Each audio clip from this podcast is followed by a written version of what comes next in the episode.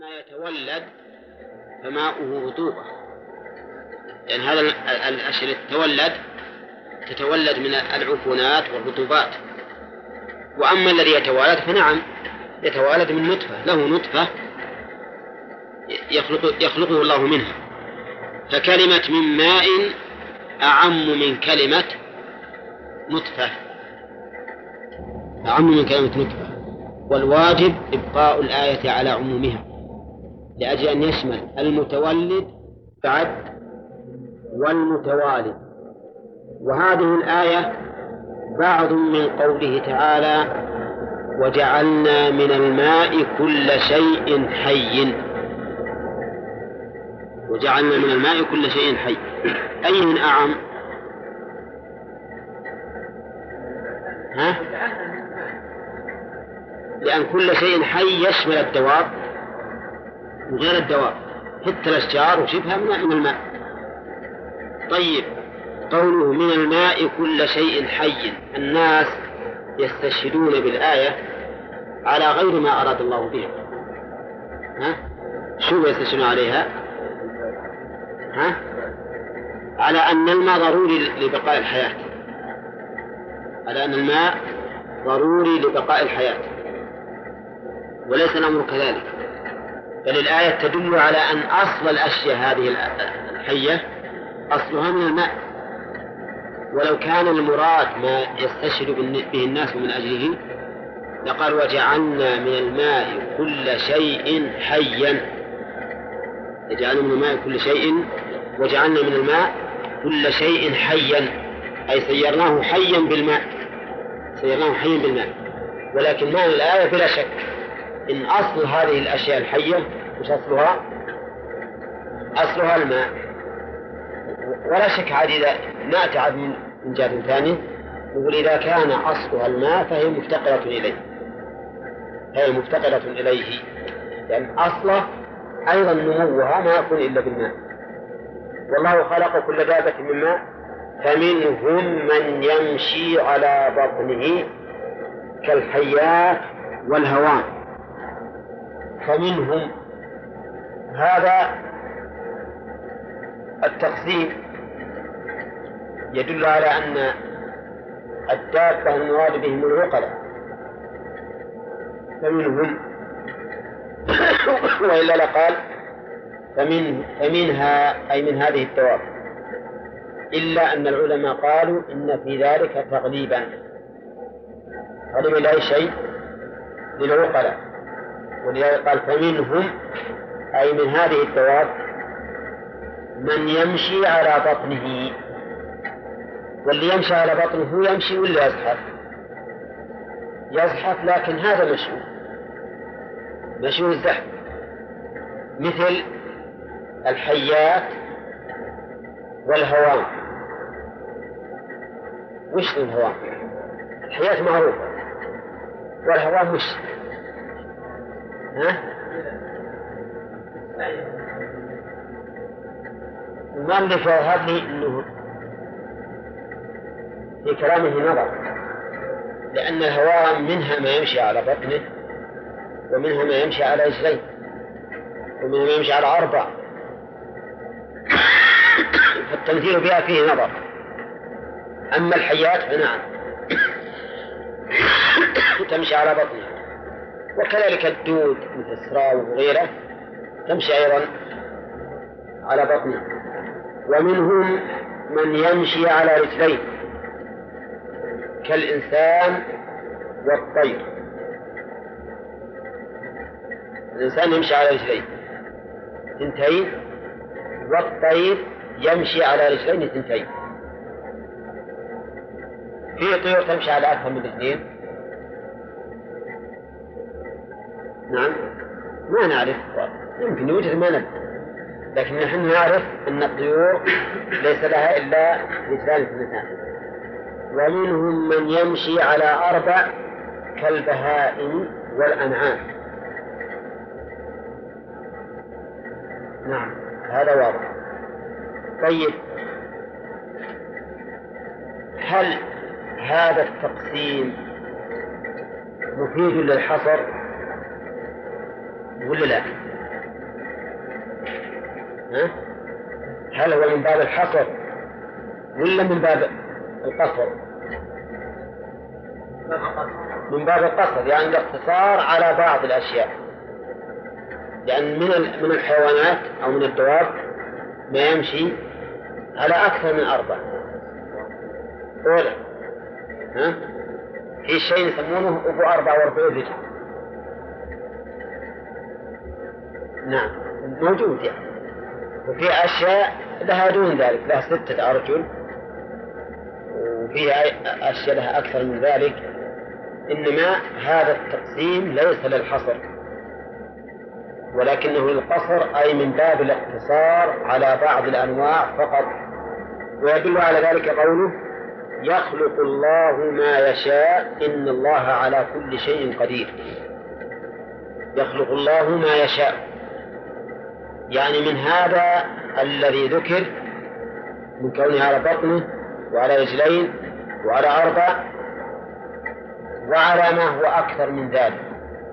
فإن الله سبحانه وتعالى لا أحد يحجزه فهو خالق لما يشاء حسب ما تقتضيه حكمته تبارك وتعالى.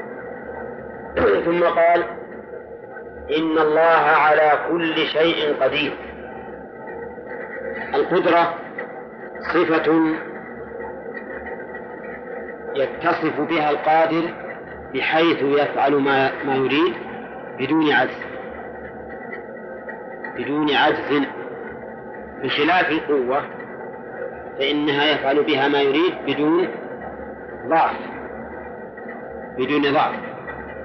فالقوة تقابل بالضعف والقدرة تقابل بالعجز. انظر إلى قوله تعالى الله الذي خلقكم من ضعف ثم جعل من بعد ضعف قوة ثم جعل من بعد قوة ضعفا وشيئا. وانظر إلى قوله تعالى وما كان الله ليعجزه من شيء في السماوات ولا في الأرض إنه كان عليما قديرا. فجعل القدرة في مقابل العجز. فلقدرته لا يعجز سبحانه وتعالى. على كل حال القدرة صفة يتصف بها القادر بحيث يفعل ما يريد بدون بدون؟ بدون عجز. هكذا. طيب. فيه رجل مثلا يصلي قائما لكن مع تعب إيش نقول هذا؟ قادر ولا قوي؟ قادر. وفي إنسان يصلي قائما وهو لا يهمه. هذا نسميه قوي وقادر أيضا. في إنسان يحمل هذه الصخرة كما يحمل الريشة ما يهمه. وفي إنسان يحمل هذه الصخرة يا الله يحمله. الأول قوي والثاني قادر. الثاني قادر لأنه يفعل لكن مع التعب والمشقة قادر مع حمل وفيه أيضا ثالث لما جاء يحملها عجز. هذا ليس قويا ولا قادرا. طيب وقول إن الله على كل شيء قدير. يوجد كلمة بين الناس يقولون إنه على ما يشاء قدير. إنه على ما يشاء قدير. هذه الكلمة لا ينبغي أن تقولها لأنك إذا قيدت القدرة بالمشيئة حصل بذلك قصور وش تصير قدرته؟ على ما يشاء دون الذي لا يشاء. مع أن الله قادر على ما يشاء وعلى ما لا يشاء. لكن ما شاء كان وما لم يشاء لم يكن. فالذي يوجد بعض الناس يقول إنه على ما يشاء قدير يجب أن ينهى عنه. ويقال قل إنه على كل شيء قدير.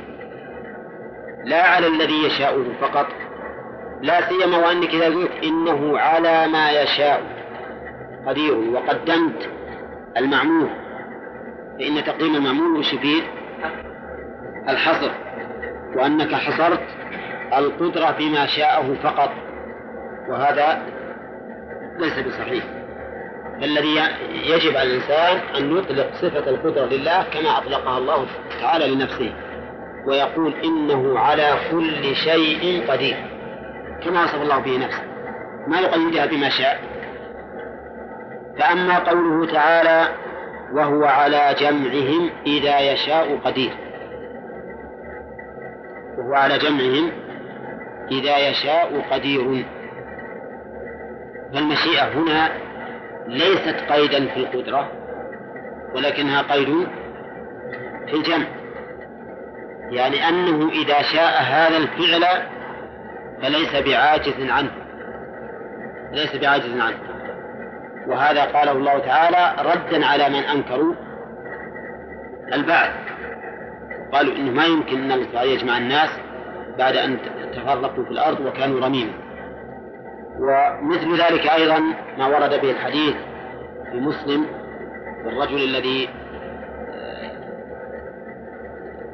أمره الله تعالى أن يدخل الجنة بعدما سبق عليه فقال له الله تعالى إني على ما أشاء قادر. إني على ما أشاء قادر. فإنه هنا يخاطبه لفعل لفعل شيء وقع. لفعل شيء وقع. فكأنه قال إني على ذلك قادر إذا شئت. ولهذا عبر بقادر دون قدير. فإن قدير أبلغ في الصفة. بخلاف قادر فقد تتعلق بفعل شيء معين. على كل حال الذي ينبغي للإنسان الذي ينبغي له ما, ما هو بل الذي يجب عليه أن يطلق صفة القدرة إذا وصف الله بها فيقول إنه على كل شيء قدير فقط ولا يقيد بالمشيئة. يخلق الله ما شاء إن الله على كل شيء قدير. لقد أنزلنا آيات مبينات أي بينات هي القرآن. والله يهدي من يشاء إلى صراط طريق مستقيم أي دين الإسلام. لقد أنزلنا سبق الكلام على مثلها عدة مرات وقلنا إن هذه الجملة مؤكدة بكم؟ بثلاثة مؤكدات القسم واللام وقد لأن لقد أصله والله لقد. فتكون الجملة هنا مؤكدة بهذه المؤكدات الثلاث. وقوله مبينات أي بينات. لا شك أن هذا التفسير لا يطابق المفسر. نعم. لأن مبينات أبلغ من بينات. لأن المبين البائن في نفسه المبين لغيره. فهو ظاهر في نفسه مظهر لغيره. والبين ظاهر في نفسه فقط. والأول أبلغ. لهذا تفسير المؤلف يعتبر قاصر والصواب أن المبينات بمعنى البينة في نفسها المبينة لغيرها. الآيات هذه التي أنزلها الله مبينات. وش تبين؟ تبين كل ما يتعلق بمصالح العباد. تبين الخير من الشر والحق من الباطل والمتقي من الفاسق. نعم وصفات الخالق من صفات المخلوق. وكل ما يحتاج الناس إليه ويتعلق بمصالحهم في دينهم ودنياهم فإن هذه الآيات بينت. لكن التبيين له طرق. تارة يكون تبيينا بالتفصيل. وتارة يكون بالإجمال. أحيانا يكون بيان القرآن بالتفصيل وأحيانا بالإجمال. فمثلا إذا إذا تدبرت آيات الفرائض قسمة المواريث تجد أن الآيات فيها بينة ها بالتفصيل. وإذا تدبرت بعض الآيات الأخرى مثل أقيموا الصلاة آتوا الزكاة تجد أنها مجملة لكن الإنسان يعرفها من أدلة أخرى من أدلة أخرى. ولهذا قال الله تعالى وأنزلنا عليك الكتاب أو إليك الكتاب نسيت تبيانا لكل شيء تبيانا لكل شيء. ما من شيء إلا بينه هذا القرآن. وقد قصصت عليكم ما ذكر عن الشيخ محمد عبده رحمه الله. أنه كان في مطعم في أحد بلاد أوروبا فجاءه وكان عنده رجل من النصارى فقال له إن القرآن تبيان لكل شيء.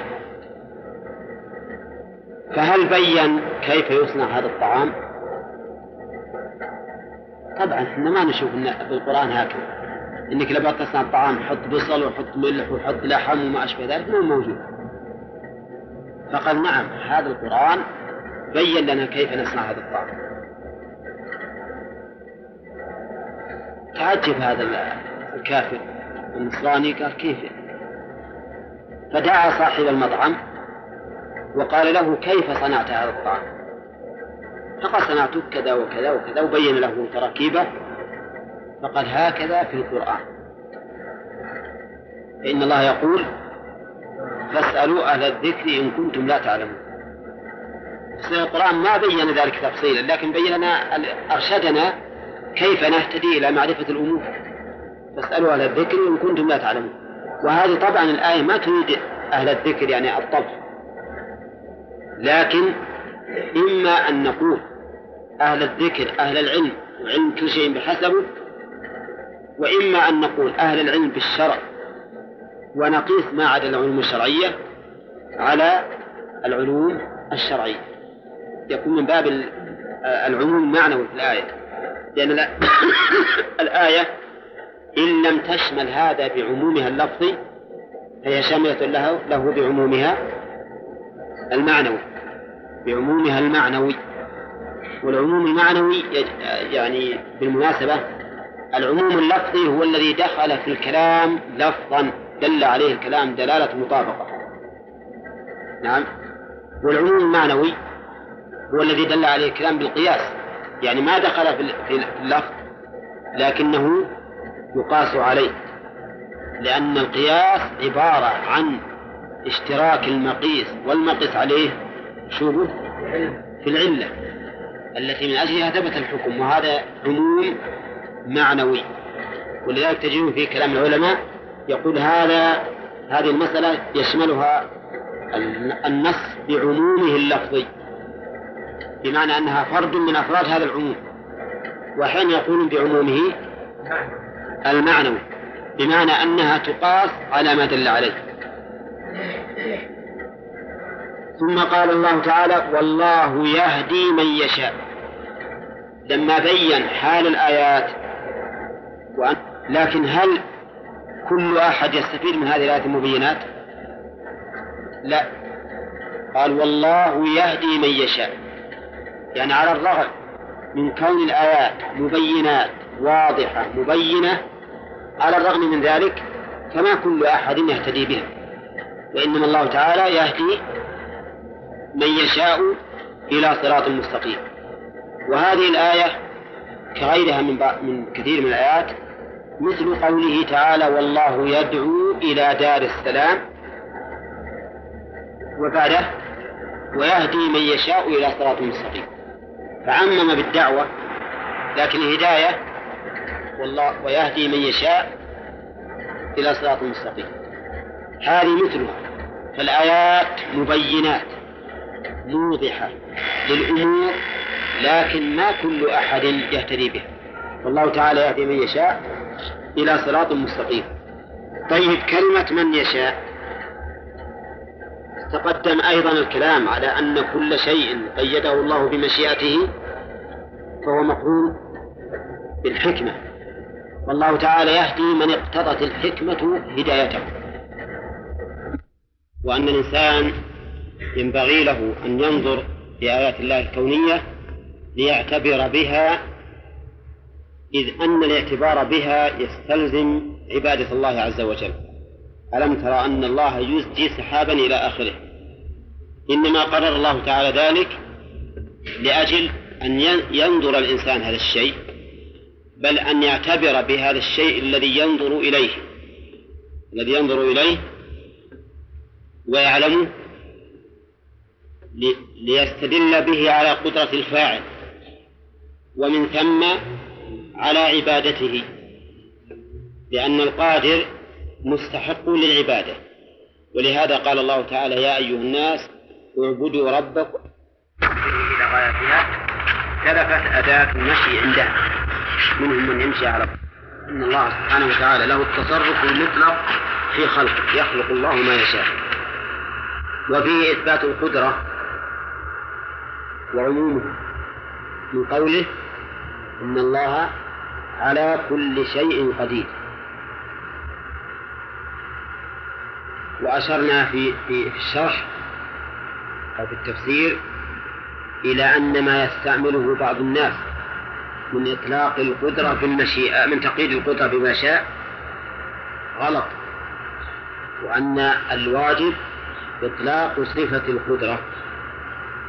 وأجبنا عن مثل قوله تعالى وهو على جمعهم إذا يشاء قدير والحديث الذي فيه أن إني على ما أشاء قادر وقلنا إن هذا هذه المشيئة متعلقة بالفعل لا بالصفة فالصفة مطلقة والفعل هو المقيد بالمشيئة إذا شاء فعل وإذا شاء لم يفعل.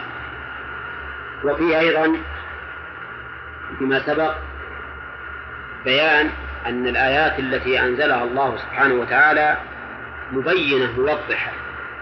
لأي شيء؟ ها؟ نعم مبينة لكل شيء.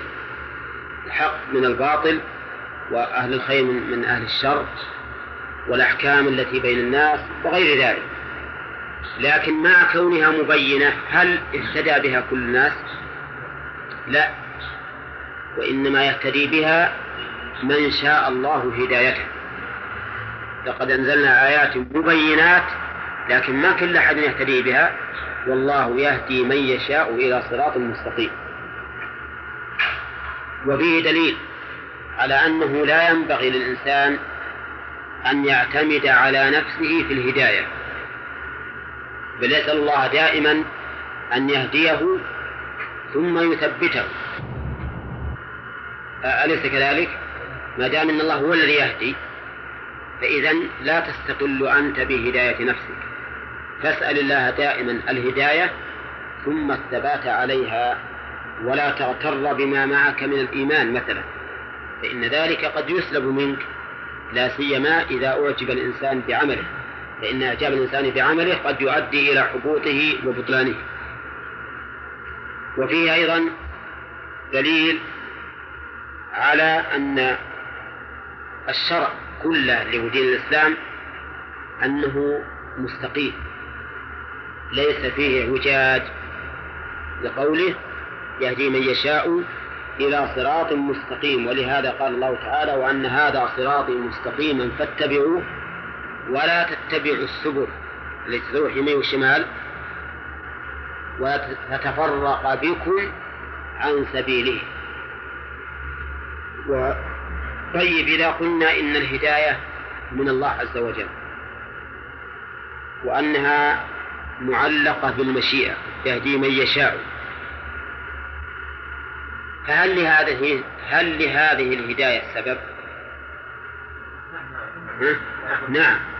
وهي طلب الحق. طلب الإنسان الحق هذا من أسباب الهداية. الدليل على ذلك قوله تعالى فلما زاغوا أزاغ الله قلوبهم. والدليل ما سيأتي في الآية بعدها. الآيات التي بعدها تدل على ترشد إلى ما ذكرنا. أن سبب الهداية هو إرادة الإنسان الحق وطلبه له. فإذا أراده وطلبه فإن الله تعالى يهديه إليه. أما إذا أعرض وتولى فإن الله تعالى لا يهديه إليه. طيب. يقول الله تعالى ويقولون أي المنافقون آمنا صدقنا بالله بتوحيده وبالرسول محمد صلى الله عليه وسلم وأطعناهما فيما حكما به ثم يتولى يعرض فريق منهم من بعد ذلك عنه وما أولئك المعرضون بالمؤمنين الم... بالمؤمنين المعهودين الموافق قلوبهم بألسنتهم. يقولون هذه حكاية عن جماعة سواء كانوا من المنافقين كما قال المؤلف أم من غيرهم. يقولون آمنا بالله وبالرسول. فسر المؤلف الإيمان بالتصديق وقد سبق أن هذا التفسير به قاصر. وأن الإيمان هو التصديق مضافا إليه شيء ما هو؟ القبول والإذعان. أن يقبل الإنسان ما جاء به الرسول صلى الله عليه وسلم وأن يذعن له. أما مجرد التصديق فليس بإيمان. ولهذا نعلم نحن أن أبا طالب كان مصدقا للنبي صلى الله عليه وسلم. وهو بنفسه يقر على نفسه بذلك. يقول لقد علموا أن ابننا لا مكذب لدينا ولا يعنى بقول الأباطل. ويقول ولقد علمت بأن دين محمد من خير أديان البرية دينا لكنه ليس بمؤمن. مع التصديق. لماذا؟ لأنه لم يذعن ولم ينقد. ما أذعن للرسول صلى الله عليه وسلم ولا انقاد له.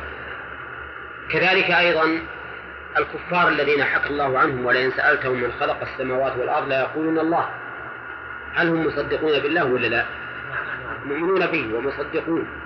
لكن لما لم يذعنوا لما لم يقبلوا ما جاء به الرسول ولم يذعنوا له لم يكونوا مؤمنين. فتفسير الإيمان شرعا بمجرد التصديق تفسير ناقص. بل نقول الإيمان هو التصديق مع القبول والإذعان. ولا بد من ذلك. وقول آمنا بالله وبالرسول أعاد حرف الجر وبالرسول لأن الإيمان بالرسول إيمان مستقل. يعني لا بد أن الإنسان يؤمن بالله إيمانا كاملا وبالرسول إيمانا كاملا كما أن الطاعة لله طاعة كاملة وللرسول كذلك. مثل قوله تعالى يا أيها الذين آمنوا أطيعوا الله وأطيعوا الرسول وأولي الأمر منكم. قال أطيعوا الله وأطيعوا الرسول. ثم قال وأولي الأمر منكم. عطفها على طاعة الله والرسول بدون إعادة العامل. إشارة إلى أن طاعة ولاة الأمور تبع لطاعة الله ورسوله. أما طاعة الرسول فهي مستقلة ومن يطع الرسول فقد أطاع الله وطاعة الله كذلك. مثل أيضا الإيمان بالله وبالرسول إذا جاء حرف الجر معناه أن هذا إيمان مستقل كأن هؤلاء يقولون آمنا إيمانا كاملا بالله سبحانه وتعالى وآمنا إيمانا كاملا بالرسول أنه رسول الله. وقول المؤلف آمنا بالله بتوحيده. هذا أيضا فيه قصور. هذا فيه قصور.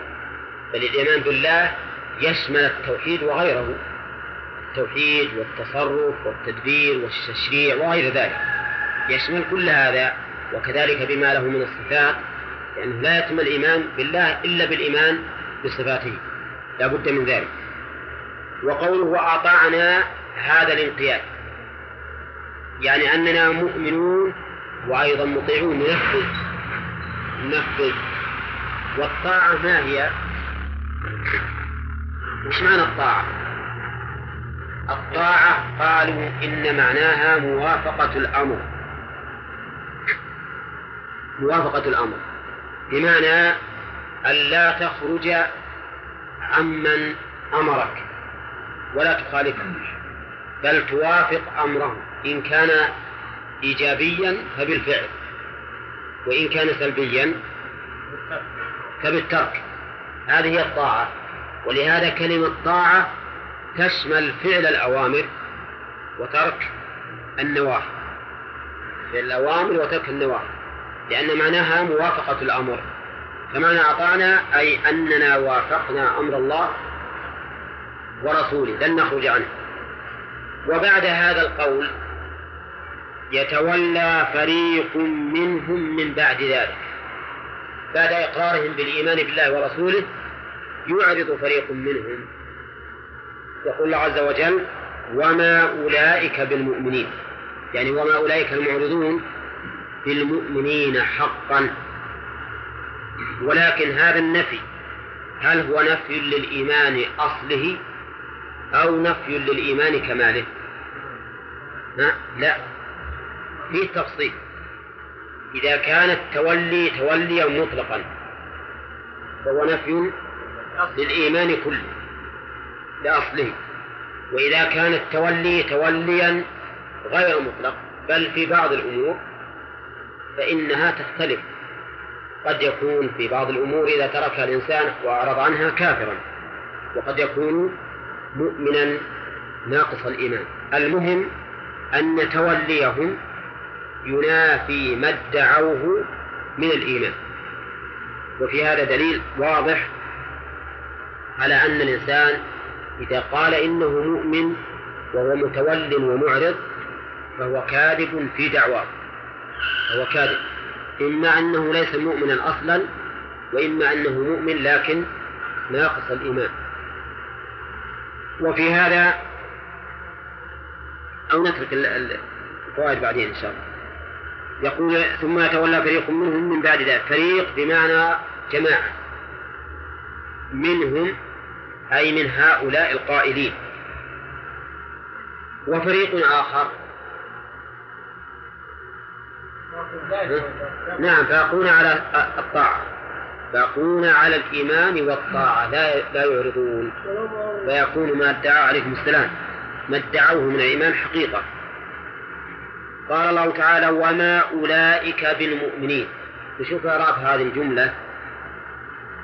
ما أولئك. ما وش ما؟ ما نافي. لكنها تعمل عمل ليس عند الحجازيين. فترفع الاسم وتنصب الخبر. ترفع الاسم وتنصب الخبر. طيب أولئي اسمها. لكنه ليس مضموما أولئي مو السبب لأنه مبني. أسماء الإشارة كلها مبنية. هؤلاء وأولئك وما أشبه ذلك كلها مبنية. وقوله بالمؤمنين الباء حرف جر زائد. إيش معنى زائد؟ من حيث الإعراب ولا من حيث المعنى؟ من حيث الإعراب. أما من حيث المعنى ففيه تأكيد النفي. تأكيد النفي في قوله ما أولئك. وقوله المؤمنين خبر ما. خبر ما. لكن عند النحويين يقولون إنه خبرها لكنه غير منصوب بها. لأن الباء الزائدة يكون العمل لها يكون عمل لها لأنها عملها به به ظاهر لمباشرته إياه. فيقول البحر جر زائد والمؤمن اسم مجرور بالباء وعلامة جره الياء نيابة عن الكسرة لأنه جمع مذكر سالم وبعضهم يقول المؤمنين خبر ما منصوب بها وعلامة نصبه ياء مقدرة. غير لهذا لأن هل هذه اللي للباء مقدرة منع من الله يشتغل المحل بحرف بحرف الجر الزائد. على كل حال هذا تعمق شديد ما ما له داعي. إنما يجب أن نعرف أن ما نافية من حيث المعنى. والباء حرف جر زائد والغرض منه إيش الغرض منه؟ تأكيد النفي. أي نفي الإيمان عن هؤلاء الذين قالوا آمنا وأطعنا ثم تولوا. فليسوا بمؤمنين وعرفتم أن نفي الإيمان هنا إما نفي لأصله وإما نفي لكماله. إيه نعم صحيح. لا في لغة الحجازيين عند جميع النحويين لكن لغة بني تميم لا لا يعملونها عمل ليس. في القرآن ما هذا بشرا؟ ما هذا بشرا؟ فآملها عمل ليس. ولم ولم تكن الآية ما هذا بشر. لو لم تعمل لكان ما هذا بشر. نعم. طيب. يقول الشاعر ومهفهف الأعطاف قلت له انتسب فأجاب ما قتل المحب حرام. وش صار هذا؟ حجازي ولا تميم؟ ها؟ تميم. تميم فأجاب لما قال له انتسب ما قال أنا تميمي؟ أجاب ما قتل المحب حرام. نعم. عرف عرفنا الآن أنه تميمي. لو كان حجازيا لقال ما قتل المحب حراما. بالنص لأنها تعمل عمل ليس. إيه. طيب. نعم. كافية لتلميذ سمين. إلا في عصرنا هذا لا. يعني إحنا ما الحجازيين والتميميين كلهم واحد. ما هم يعملون. يعني ما يعملها إلا لا الحجازيين هم اللي يعملونه يعملون لكن المراد العرب الأولين اللي ما تغيرت ألسنتهم. أما الآن لا فالمسألة متغيرة. والكوفيين. يوافقون الحجازيين أصلا الكوفيين والنحويين مهب هذه وصف للعرب الناطقين بالعربية. وصف للعلماء الذين تولوا العناية بالنحو. مو ما, ما له قال وما أولئك بالمؤمنين وإذا دعوا إلى الله ورسوله ليحكم بينهم إذا فريق منهم معرضون. إذا دعوا الضمير يعود على هؤلاء القائلين الذين يقولون آمنا بالله وبرسوله وأطعنا ثم يتولون. إذا دعوا إلى الله وإلى ورسوله أي إلى رسول الله صلى الله عليه وسلم المبلغ المبلغ عنه ليحكم بينهم إذا فريق منهم معرضون عن المجيء إليهم. إليهم ولا إليه؟ إليه. نعم. إذا دعوا أي دعاهم. من يخاصمهم؟ إلى الله وإلى رسوله ليحكم بينهم. أعرضوا. طيب. قوله إذا دعوا إلى الله. هل المراد أن يدعوا إلى الله سبحانه وتعالى ليصلوا إليه فوق عرشه؟ لا. أي شيء يكون الدعاء إلى الله؟ إلى كتابه. لأن كتاب الله كلام الله عز وجل. فالدعاء إلى الله هو الدعاء إلى كتاب الله. وقوله ورسوله هل المراد أن يصلوا إلى النبي صلى الله عليه وسلم في بيته؟ أو في مسجده؟ أو في سوقه؟ لا. نقول في حياته إليه إليه شخصيا في المسجد أو في البيت أو في السوق وبعد وفاته إلى سنته إلى سنته لأن سنته قوله وفعله وإقراره فكأننا نشاهده عندما ندعو إلى قوله أو إلى فعله أو إلى إقراره.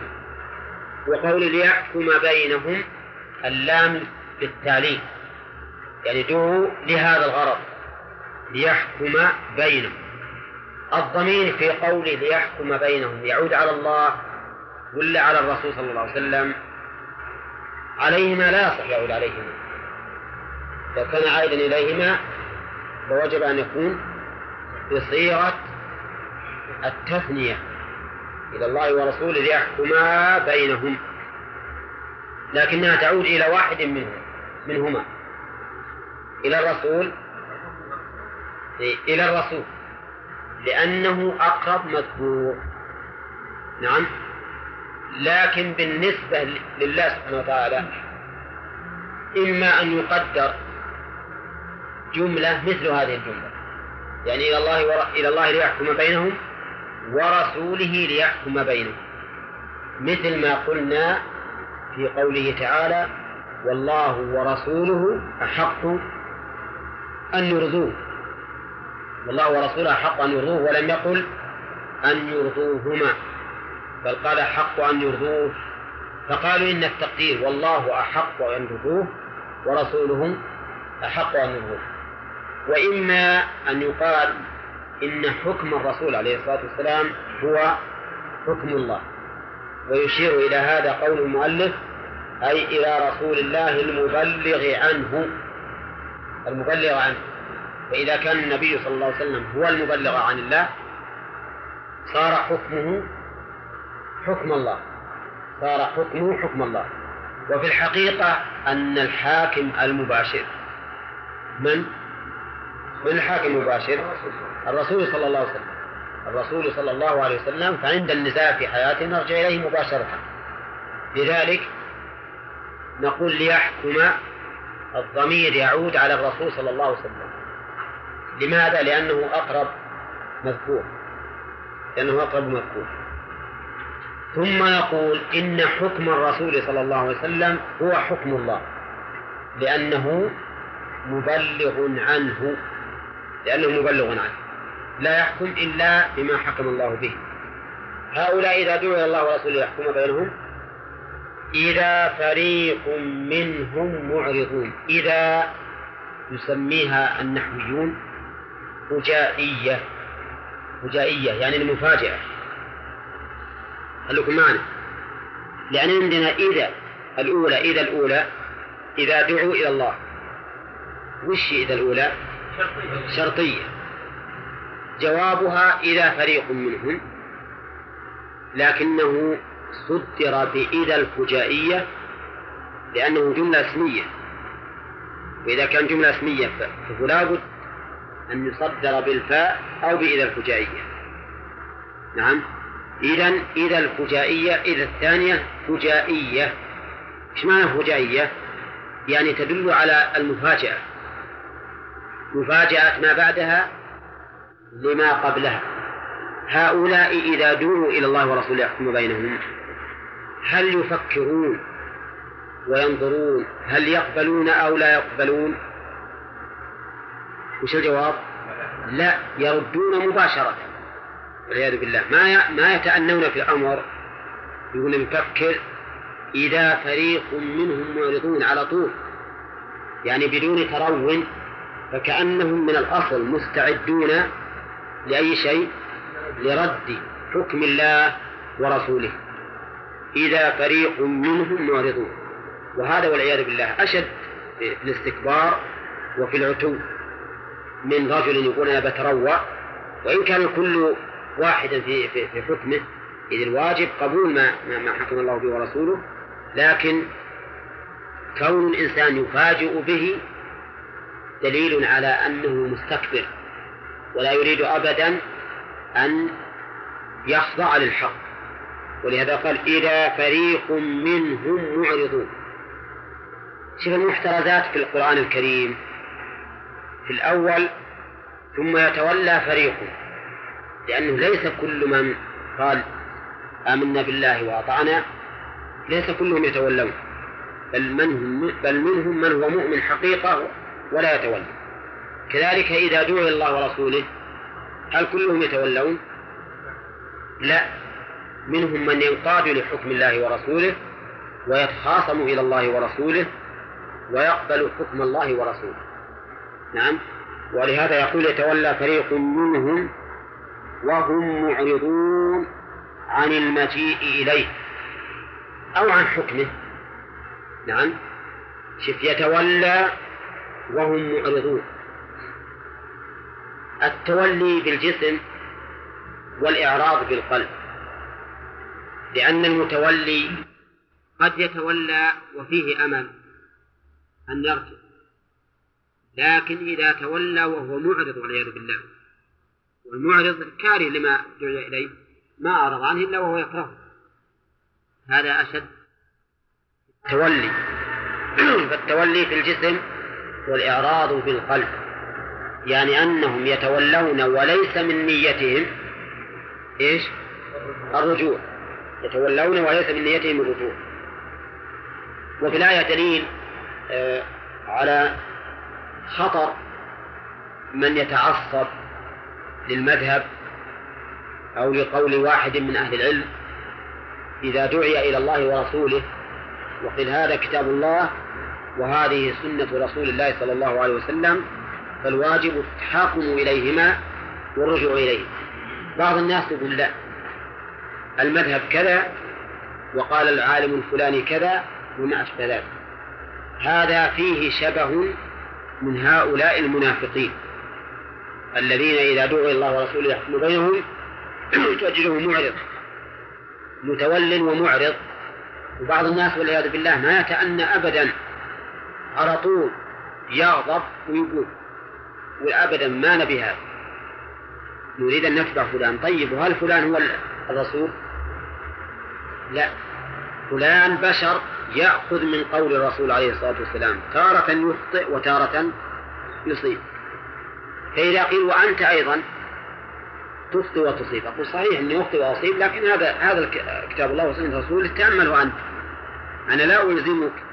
أن تأخذ بما فهمت بما فهمت أنا من كتاب الله وسنة رسوله لكني ألزمك أن تنظر إلى كتاب الله وسنة رسوله صلى الله عليه وسلم ثم تنظر في قول من قلدت هل يكون موافقا أو مخالفا؟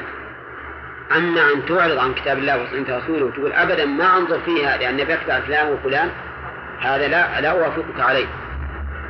فهنا فرق. بين أن تدعو أن أدعوك إلى كتاب الله وسنة رسوله لتنظر فيه وتتبعه وبين أن أقول هذا كتاب الله وسنة رسوله ولكن إلزم ما أفهمه أنا منهما. هذا لا ألزمك به. لأني إذا ألزمتك به فقد دعوتك إلى إلى ما نهيتك عنه. دعوتك إلى تقليدي. ولكننا ندعوك إلى كتاب الله وسنة رسوله صلى الله عليه وسلم. المهم أن لا تتحجر وتقول أنا لا أتبع إلا فلانا. ما تدل ما تدل عليه ما يدل عليه الكتاب والسنة سواء وافق رأي مقلدك أم أم خالفه. لكن البلية كل البلية هو مسألة التقليد المحض. إلا أننا ولا الحمد نبشركم كما ترون الآن أن هذا بدأ يضعف في الناس. أي مسألة أي أعني التقليد المحض الذي يكون حتى مع ظهور الحق وبيانه هذا بدأ ولله الحمد يضعف في الناس وصار الناس يتطلبون الأقوال التي تكون راجحة حسب دلالة الكتاب والسنة بقطع النظر عن كون فلان قلدها أو فلان أخذ بها أو ما أخذ بها. نعم. المبلغ عنه عن الله. عنه؟ لا غلط. لا لا سلام. المبلغ عنه عن الله وإنما قال المؤلف هذا لأجل أن يبين أن حكم الرسول صلى الله عليه وسلم هو حكم الله. علشان ما يقع إشكال في قوله ليحكم مع أنهم مدعوون إلى الله ورسوله. وفي هذه الآية أنا ما ما إحنا ماشيين على أن الفوائد الأخرى. الآية هذه دليل على أن الحكم لمن؟ لله ورسوله. الحكم لله ورسوله والتحاكم إلى الله ورسوله. وقد أقسم الله تعالى قسما مؤكدا بأنه لا يمكن يؤمن الإنسان حتى يحكم النبي صلى الله عليه وسلم فيما شجر بينهم. فلا وربك لا يؤمنون حتى يحكموك فيما شجر بينهم. هذه مرحلة. المرحلة الثانية ثم لا يجدوا في أنفسهم حرجا مما قضيت. أي مرحلتين يعني ما يكون في نفسه ضيق أو كراهة لما حكم به الرسول عليه الصلاة والسلام. المرحلة الثالثة ويسلموا تسليما. يعني ينقادوا انقيادا تاما لأن الناس كل من كل منهم التزم مرحلة فمن الناس من لا يحكم الرسول عليه الصلاة والسلام. وهذا من الأصل ما دخل في المراحل الثلاث. ومن الناس من يحكم الرسول عليه الصلاة والسلام لكن يجد في نفسه حرج من حكم الله ورسوله لأنه يخالف هواه. فتجد متحرج يعني يمشي بالحكم لكن مع ضيق ومع حرج. هذا أيضا ليس بمؤمن. من الناس من يحكم الرسول عليه الصلاة والسلام. ولا يكون في صدره حرج من حكمه لكن ما يستسلم. يكون مثلا فيه تأني وفيه تهاون نعم أو فيه تقصير في بعض التنفيذ هذا أيضا ليس بمؤمن. لا بد من الأمور الثلاثة التحكيم وانتفاء الحرج والثالث التسليم. وتأمل قوله تسليما يسلم تسليما. إشارة إلى أنه تسليم كامل ولهذا يسمي النحويون هذا المصدر يسمونه مصدرا مؤكدا. مصدرا مؤكدا. يعني أنهم يسلموا تسليما كاملا ما فيه أي التواء أو إعراب. هذه الآية مثلها. يقول إذا وإن ثم قال وإن يكن لهم الحق يأتوا إليه مذعنين. مذعنين إيش؟ مسرعين. مسرعين طائعين. في عندي تعليقة ما أدري والله وش. وذكر الله لتعظيمها وكذا. أو ذكر الله لتعظيمه. عندي بعد المبلغ عنه. تعليقة. أو ذكر الله لتعظيمه. ها؟ كيف عندكم ذي؟ مكتوبة عندي ومكتوب صح ولا سنقول حاشي يعني قصد الحاشي هذه إن صحت منها أصل إن قوله إلى الله ورسوله إن ذكر الله هنا ليس مقصودا ولكن للتعظيم. لتعظيم حكم الرسول عليه الصلاة والسلام لأن الذي سيحكم هو النبي عليه الصلاة والسلام. لكن هذا لا وجه له. يقول الله عز وجل وإن يكن لهم الحق يأتوا إليه مذعنين. يعني مسرعين طائعين. إذا كان الحق لهم في حكم الله ورسوله ما يتولون وإنما يسرعون وينقادون. فدل ذلك على أنهم لا يريدون الحق وإنما يريدون ما يوافق أهواءهم. إنما يريدون ما يوافق أهواء إن كان الحق لهم قبلوا وانقادوا. إذا كان الحق عليهم تولوا وأعرضوا وإن يكن لهم الحق. بل إن ظاهر الآية الكريمة أنهم يعرضون في حالين. إذا كان الحق عليهم وإذا لم يكن عليهم ولا لهم لأنهم ما يذعنون إلا إذا كان الحق لهم إذا كان الحق لهم أذعنوا. وفي الحقيقة أن طاعتهم هذه وإذعانهم هل هو للحق ولا لهوى أنفسهم؟ ها؟ لهوى أنفسهم لا للحق. وهذا أيضا حال بعض الناس تجده إذا دل الكتاب والسنة على ما يهوى ويريد ينشرح صدره ويذعن ويقبل. وإذا دل الكتاب والسنة على خلاف ما يريد تجده يكون في نفسه حرج وربما يزيد على ذلك بالإعراض والتولي. هذا في الحقيقة ليس بمؤمن. وإنما يتبع من الحق ما وافق هواه فقط. أما المؤمن فله حال أخرى ستأتي إن شاء الله. قال الله تعالى أفي قلوبهم مرض؟ كفر أم ارتابوا أي شكوا في نبوته أم يخافون أن يحيف الله عليهم ورسوله في الحكم؟ أي يظلموا فيه؟ لا. بل أولئك هم الظالمون بالإعراض عنه. يقول الله عز وجل مبينا حال هؤلاء الذين يردون ما حكم الله به ورسوله بأنهم لا يخلون من هذه الأحوال الثلاث أفي قلوبهم مرض والمرض هو علة تصيب الصحيح فيخرج عن الاعتداء. هذا المرض علة تصيب الصحيح فيخرج عن الاعتداء. وهذا التعريف للمرض يشمل المرض الجسمي والمرض القلبي. فالمرض الجسمي في الحقيقة علة تصيبه فيخرج عن الاعتدال. كذلك المرض القلبي علة تصيب القلب فتخرجه عن الاعتدال حتى ينحرف ولا يقبل الحق فما هو المرض المشار إليه هنا؟ ها؟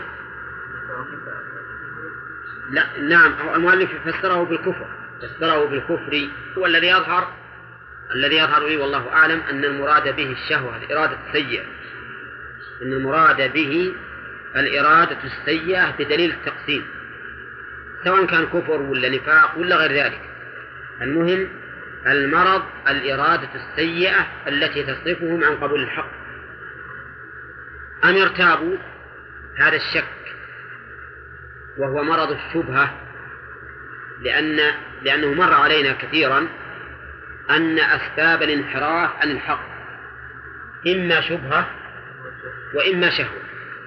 يعني إما أن الإنسان يشتهي أمرا مخالفا للشرع فيتبعه وإما أن يكون عنده شبهة في هذا الحق فيمتنع منه.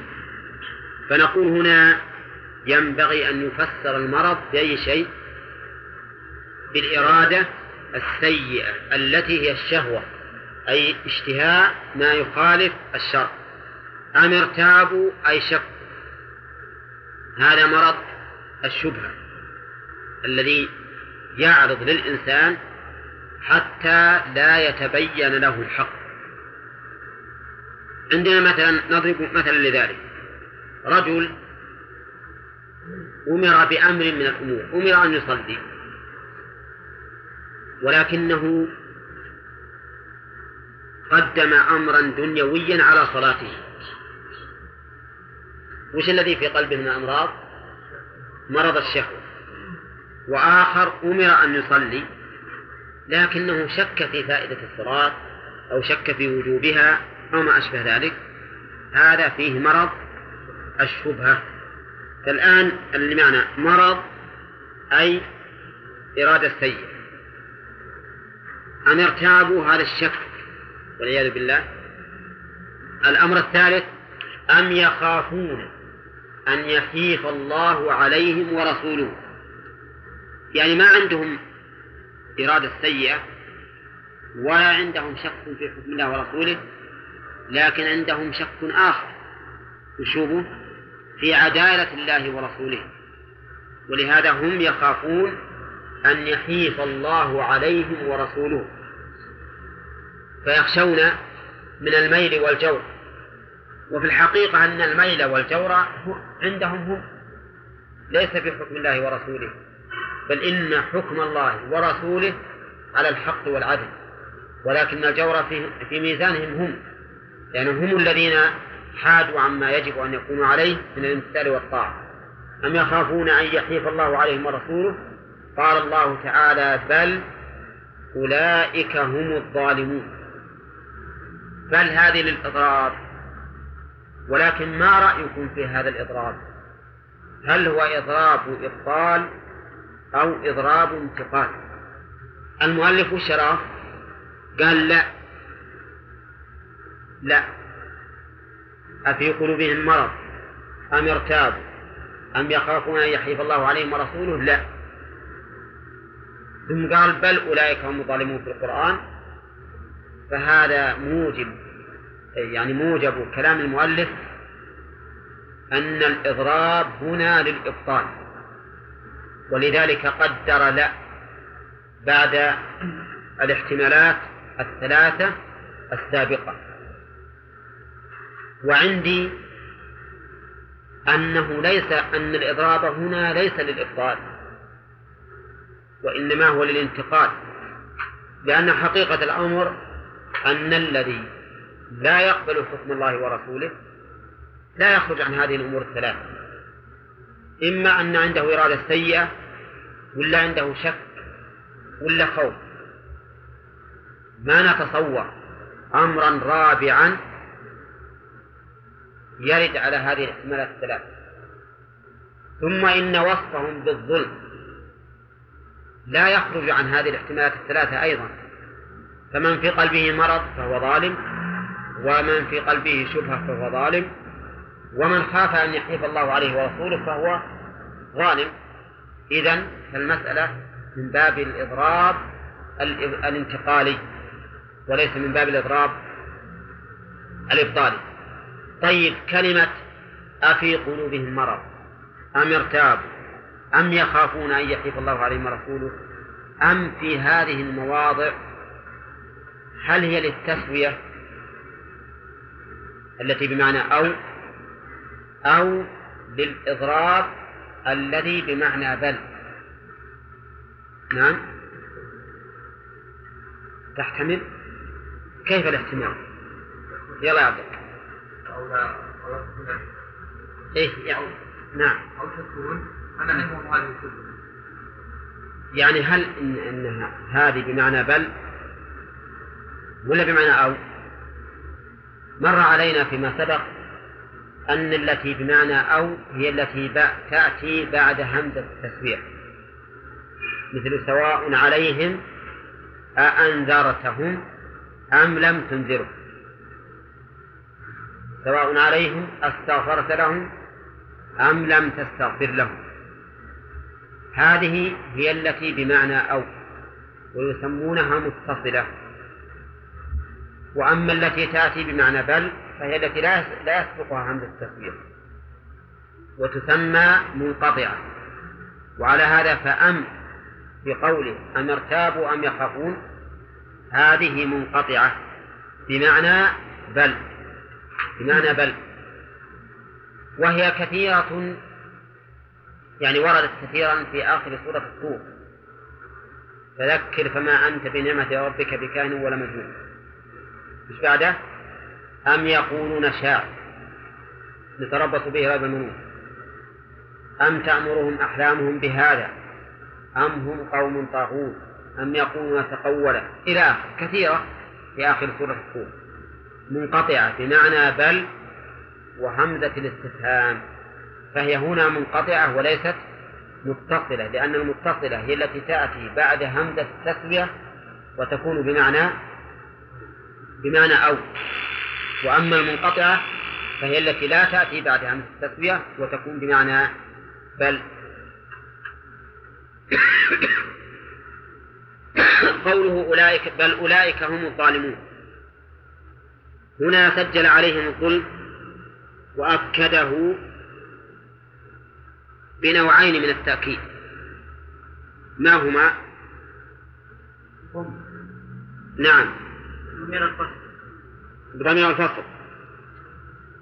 وبكون الجملة اسمية معرفة الطرفين. لأن الجملة إذا كانت اسمية معرفة الطرفين فإنها تفيد الحصر.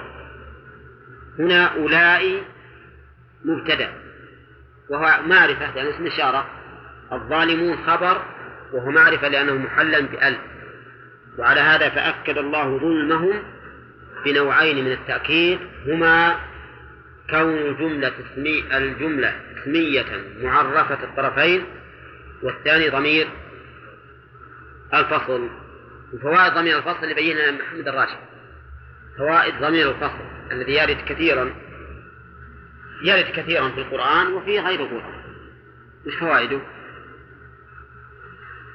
يلا يا أبا صالح شو محمد البراك؟ فوائد ضمير الفصل. ها؟ طيب. وش هو يا حجاج عبد الله؟ لا تنطق الكتاب. طيب. أصبر. الحين التوكيد يجب أن نكون كلنا مستحضرين لأن أنا قلت لكم الآن في التقرير إن هذه الجملة مؤكدة بنوعين من التأكيد. أحدهما ضمير الفصل والثاني إن الجملة اسمية معرفة الطرفين. كان يعني المفروض إن كلنا نعرف هذه ما يحتاج. طيب هذه واحدة. طيب. أتوا إليه مذعنين يعني منقادين مطيعين فصاروا إنما يتبعون أهواءهم فقط. بين حال المؤمنين فقال إنما كان قول المؤمنين إذا دعوا إلى الله ورسوله ليحكم بينهم أن يقولوا سمعنا وأطعنا. أولا في إعراب قوله قول المؤمنين. إنما كان قول المؤمنين فإنه منصوب والمعروف أن كان ترفع الاسم وتنصب الخبر. وهنا الذي يليها منصوب. وجوابه أن هذا هو خبرها مقدما. قول المؤمنين خبرها مقدما واسمها المصدر المنسبك من أن والفعل. أن يقول المصدر المنسبك من أن والفعل بقوله أن يقولوا سمعنا وأطعنا. أن يقولوا سمعنا وأطعنا. يعني ما كان قولهم إلا هذا القول. سمعنا وأطعنا. طيب. وقوله إنما كان قول المؤمنين إذا دعوا إلى الله ورسوله يعني إذا دعوا إلى الله إلى كتابه وإلى رسوله إليه شخصيا في حياته وإلى سنته بعد وفاته ليحكم بينهم يقال فيه ما سبق في الآية نظيرها في الدرس الماضي ليحكم الضمير يعود على من؟ على الرسول صلى الله عليه وسلم. وإنما أسند الحكم إليه لأن حكمه تبليغ عن الله عز وجل. فيكون حكمه منتظما لحكم الله أيضا إذ هو المبلغ عن الله سبحانه وتعالى. وقول ليحكم بينهم يشمل ما تنازعوا فيه من الخصومات وما اختلفوا فيه من الأحكام. فإن الحاكم هو الرسول عليه الصلاة والسلام. لا في الخصومات التي تحدث بين المتشاجرين ولا في الأحكام التي يختلف فيها الناس. قال الله عز وجل وما اختلفتم فيه من شيء فحكمه إلى من؟ إلى الله. وقال سبحانه وتعالى فإن تنازعتم في شيء فردوه إلى الله والرسول إن كنتم تؤمنون بالله واليوم الآخر. فالمؤمنون إذا إذا دعوا إلى الله ورسوله يحكم بينهم فقولهم أن يقولوا سمعنا وأطعنا. أن يقولوا سمعنا بآذاننا وأطعنا بجوارحنا. فهم يسمعون وينقادون. والطاعة كما مر شاملة لفعل الأوامر وترك النواهي. شاملة للأمرين جميعا. عكس الذين يقولون سمعنا وهم لا يسمعون أو يقولون سمعنا وعصينا. فيقولون سمعنا ولا ينقادون أو يقولون يصرحون بالعصيان. يقولون سمعنا وعصينا. المؤمنون يقولون سمعنا وأطعنا. وقول المؤلف أي القول اللائق أي القول اللائق منهم بهم نعم. أي القول اللائق بهم. يعني أنه ما كان قولهم اللائق. فظاهر كلام المؤلف أن المسألة على سبيل التقدير على سبيل التقدير والفرض أي ما يفترض إلا أن يقولوا هذا. ولكن الحقيقة أن هذا هو الواقع. مو هذا القول اللائق فقط بل هو القول اللائق الواقع. فهم إذا دعوا الله ورسوله يحكم بينهم أن يقولوا سمعنا وأطعنا مثل ما قال الله عنهم. وقالوا سمعنا وأطعنا. وكون نجعل هذا قولا لائقا أي مقدرا ومفروضا وهذا هو اللائق بهم خلاف ظاهر القرآن.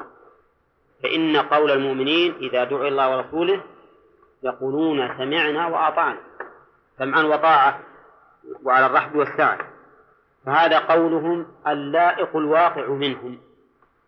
إذا دعي الله ورسوله ما يقولون الله رأي فلان خلاف ذلك ورأي فلان خلاف ذلك والناس على خلاف ذلك وما أشبه هذا. ما يقولون هذا الأمر؟ يقولون سمعنا وأطعنا وهكذا الواجب على كل مؤمن. فمن لم يقل هكذا فليس بمؤمن إما أنه قد انتفى عنه الإيمان بالكلية أو هو ناقص الإيمان. قال الله عز وجل وأولئك وثمانية وأعطانا بالإجابة وأولئك ها؟ وأولئك حينئذ هم المفلحون الناجون وأولئك هم المفلحون هم ضمير فصل وقد مرت علينا فوائده الثلاث الحصر والتأكيد وتمييز الخبر من الصفة.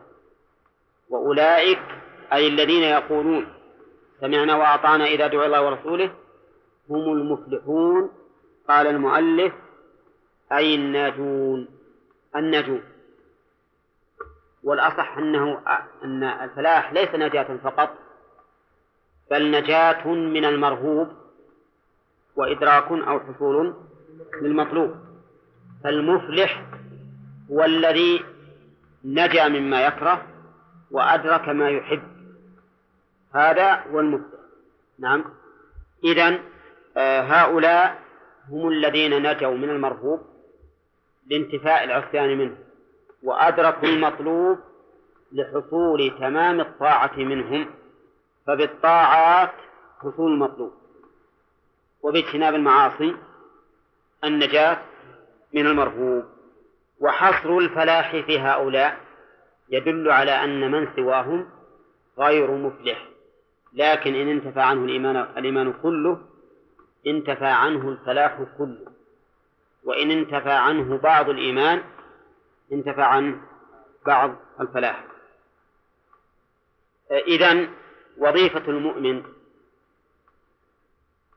فيما إذا دعي إلى حكم الله ورسوله أو فيما إذا اطلع هو بنفسه على حكم الله ورسوله الواجب وظيفته أن يقول سمعنا وأطعنا. ما يلتفت يمينا أو شمالا أو يؤول أو يحرف لا يقول سمعنا وأطعنا انقيادا تاما وسمعا تاما لأن بذلك يتحقق الإيمان. والإنسان الذي ينقاد لحكم الله سبحانه وتعالى بهذه السهولة وبهذه المطابقة هو الذي يستريح ولا يحصل عنده قلق لأن من عود نفسه التردد في قبول الأحكام الشرعية ولو في حكم واحد فإن النفس تجبره على أن يتردد في كثير من الأمور الشرعية. يقول الله عز وجل ونقلب أفئدتهم وأبصارهم كما لم يؤمنوا به أول مرة. ونذرهم في طغيانهم يعمهون. الإنسان إذا عود نفسه قبول الحق من أول وهلة وبدون أي قلق أو تردد في تنفيذه فإنه يسهل عليه بعد ذلك الانقياد لجميع الأوامر وعدم الالتفات والتردد. ولكنه إذا فعل ولو مرة وتردد في أمر من الأمور من الأحكام الشرعية يعني بعد أن يثبت عنده. دعنا من التردد في الثبوت التردد في الثبوت هذا شيء آخر. يعني له أن يتردد في الثبوت إذا كان الحديث مثلا ضعيف السند أو ما أشبه ذلك لكن إذا ثبت عنده الحكم أن هذا حكم الله ورسوله فإن تردده في قبوله لا في ثبوته. تردده في, في قبوله هذا خطر عليه جدا لأنه يؤدي إلى التردد في الأحكام الأخرى المستقبلة. ونظير ذلك في الحكم القدري أيضا. الإنسان الذي لا يمرن نفسه على الصبر على أحكام الله وعلى قضائه وقدره يبقى قلقا دائما متعب متعبا من الأحكام القدرية التي لا تلائمه. فإذا تمشى مع القضاء والقدر وصار إن أصابه خير اطمأن به وإن أصابه شر صبر عليه وهو متمشي مع القضاء والقدر فإنه بذلك يستريح ولا يقلق أبدا. تجد الإنسان الذي يريد من الله عز وجل أن يكون قضاؤه وقدره فيما يلائمه تجده دائما في قلق لأن القضاء والقدر ليس على ما تريد كما أن الشرع أيضا ليس على ليس على ما تريد.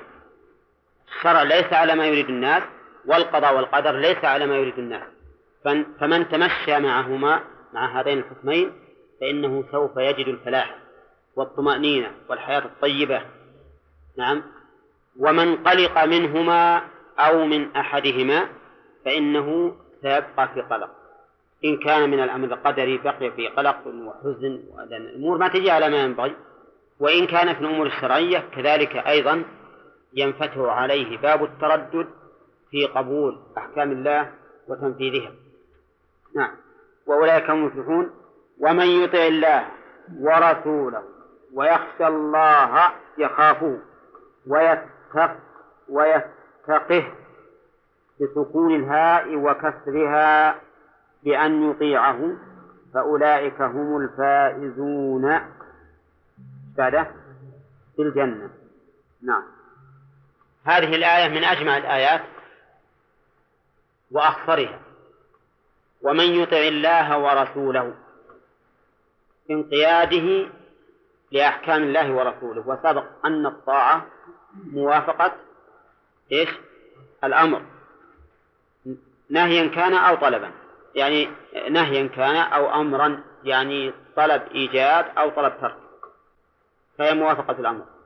من يطع الله ورسوله. ويخشى الله ويتق الطاعة لله ورسوله. والخشية عبادة والتقوى عبادة. ما تكون إلا لمن؟ إلا لله وحده. ولهذا قال ويخشى الله ويتق ويتقه. يقول عندي أنا بسكون الهاء يتقه وكسرها. الهاء لا. سكون الهاء نعم. بسكون الهاء وكسرها. ويتقه أو ويتقه. طيب. يخشى الله. يقول المؤلف يخافه. ولكن هذا التفسير فاصل. لأن الخشية أشد من الخوف. والفرق بينهما الخشية لا تكون إلا من علم. ما تكون إلا من علم. لقوله تعالى إنما يخشى الله من عباده العلماء. إنما يخشى الله من عباده العلماء. العالم هو الذي يخشى الله لأنه يخافه عن علم. بحقيقة المخوف وحال الخائف. فهو يعلم حال المخوف ويعلم حال يا غانم. كيف أظن بهذا مغسل عند الباب. المغسل اللي عند الباب. ها؟ عندك مو عندك عند الدرجة؟ عند... على منك على منك. حطه مكانه قال زبلة.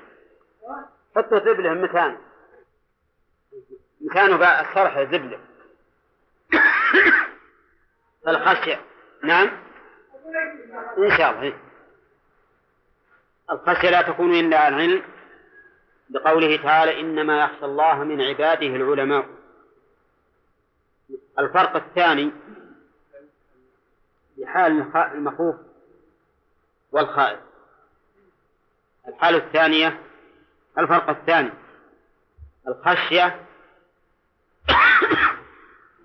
تكون من عظم المخشي. من عظم المخشي والخوف يكون من ضعف الخائف. يكون من ضعف الخائف. والفرق بينهما ظاهر. يعني أن الخشية إنما تكون لعظم المخشي. وإن كان الخاشي عظيما. والخوف يكون من ضعف من ضعف الخائف. ضعف الخائف الفرق الثالث الخشية خوف بهيبة وتعظيم وإجلال وهي متفرعة عن الفرق الثاني. هذا الفرق متفرع عن الفرق الثاني. والخوف لا يكون كذلك. لا يكون عن تعظيم عن هيبة وتعظيم وإجلال ولذلك يقال خاف من الذئب ولا يقال خشي منه أو خشيه. نعم إلا على سبيل التوسع. فهذه الفروق الثلاثة توجب أن لا يكون الخش... لا تكون الخشية بمعنى الخوف على وجه المطابقة. نعم على وجه التقريب لا بأس أن الإنسان يقول إن الخشية بمعنى الخوف ليقربها إلى أفهام السامع أفهام السامعين. لا على أنها لا على أن الخوف هو المعنى المطابق للخشية. نعم. تكون أن الخشية تكون مع هيبة وتعظيم وإجلال للمخشي وخلاف الخوف. طيب نقول يخشى الله ويتقه ويتقه. نتكلم الآن على القراءات اللي فيها. فيها ويتقه. وفيها ويتقه. وفيها قراءة ثالثة قراءة حفص ما قالها المؤلف وهي ويتقه ويتقه بسكون القاف. نعم. وكسر الهاء. أما قوله أما قراءة ويتقه قراءة ويتقه سواء أشبعنا الهاء أم لم نشبع وهما قراءتان أيضا. ويتقه فأولئك فأولئك. ويتقه فأولئك. هي قراءتان الإشباع وعدمه. هذا هذه القراءة واضحة ولا فيها إشكال لأنها متمشية على ما نعرف من القواعد العربية. أولى ها؟ يتقه مثل يرمه. نعم. معطوفة على فعل الشر وهو يطع وهو مجزوم والمعطوف على المجزوم مجزوم علامة جزمه لا. حذف حرف العلة يعني حذف الياء والكسر قبلها دليل عليه ويتقه حذف الياء والكسر قبل والهات ويتقه. مفعول. مفعول يتقي وهي ضمير مكسور مبني على الكسر يعني. لكن على قراءة ويتقه سكون الهاء على خلاف الذي نعرف. فنقول سكنت بالتخفيف لأن ويتقه أخف من ويتقه. فهي مسكنة للتخفيف. طيب. على قراءة حفص ويتقه ويتقه كيف سكنت مع أنها مجزومة بحذف حرف العلة؟ لأن يتقي ما فيها شك أنه فعل ناقص. آخره حرف علة. فكيف سكنت؟ لا مكسورة. ويتقي ما يمكن سكن ودي ساكن قبله ما ينطق. يمكن نطق. لكن القاف ساكن. فالإشكال الآن في تسكين القاف مع أن الفعل معتل. آخره ليس حرفا صحيحا والمعتل يلزم بحذف حرف العلة. فلماذا سكن؟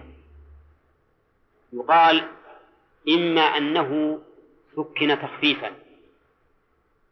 إما أنه سكن تخفيفا ويتقي. أو سكن على تناسي حرف العلة كأنه نسي حرف العلة وصار فعلا إيش؟ صحيحا. وصار فعلا صحيحا. والفعل الصحيح يجزم بالسكون. طيب التقوى مر علينا كثيرا في تفسير التقوى بأنها اتخاذ وقاية من عذاب الله. اتخاذ وقاية من عذاب الله بفعل أوامره واجتناب نواهيه. فما الربط بينها وبين الخشية؟ يقال التقوى في الحقيقة نتيجة الخشية. لأن من خشي الله اتقاه اللي يخاف بهيبة وتعظيم وإجلال لا بد أن يتقيه. لا بد أن يتقيه فالربط بينها وبين الخشية أنها فرع عنها ونتيجة عنها فمن خشي الله اتقاه بلا شك. طيب آه، في سؤال ثاني أيضا. قلتم إن الخشية أن التقوى اتخاذ وقاية من عذاب الله في فعل أوامره واجتناب نواهيه. أليس ذلك هو الطاعة؟ ها؟ إيش الجواب؟ إذا قلت إن التقوى اتخاذ وقاية من عذاب الله في فعل أوامره واجتناب نواهيه أليست هذه الطاعة؟ ها؟ نعم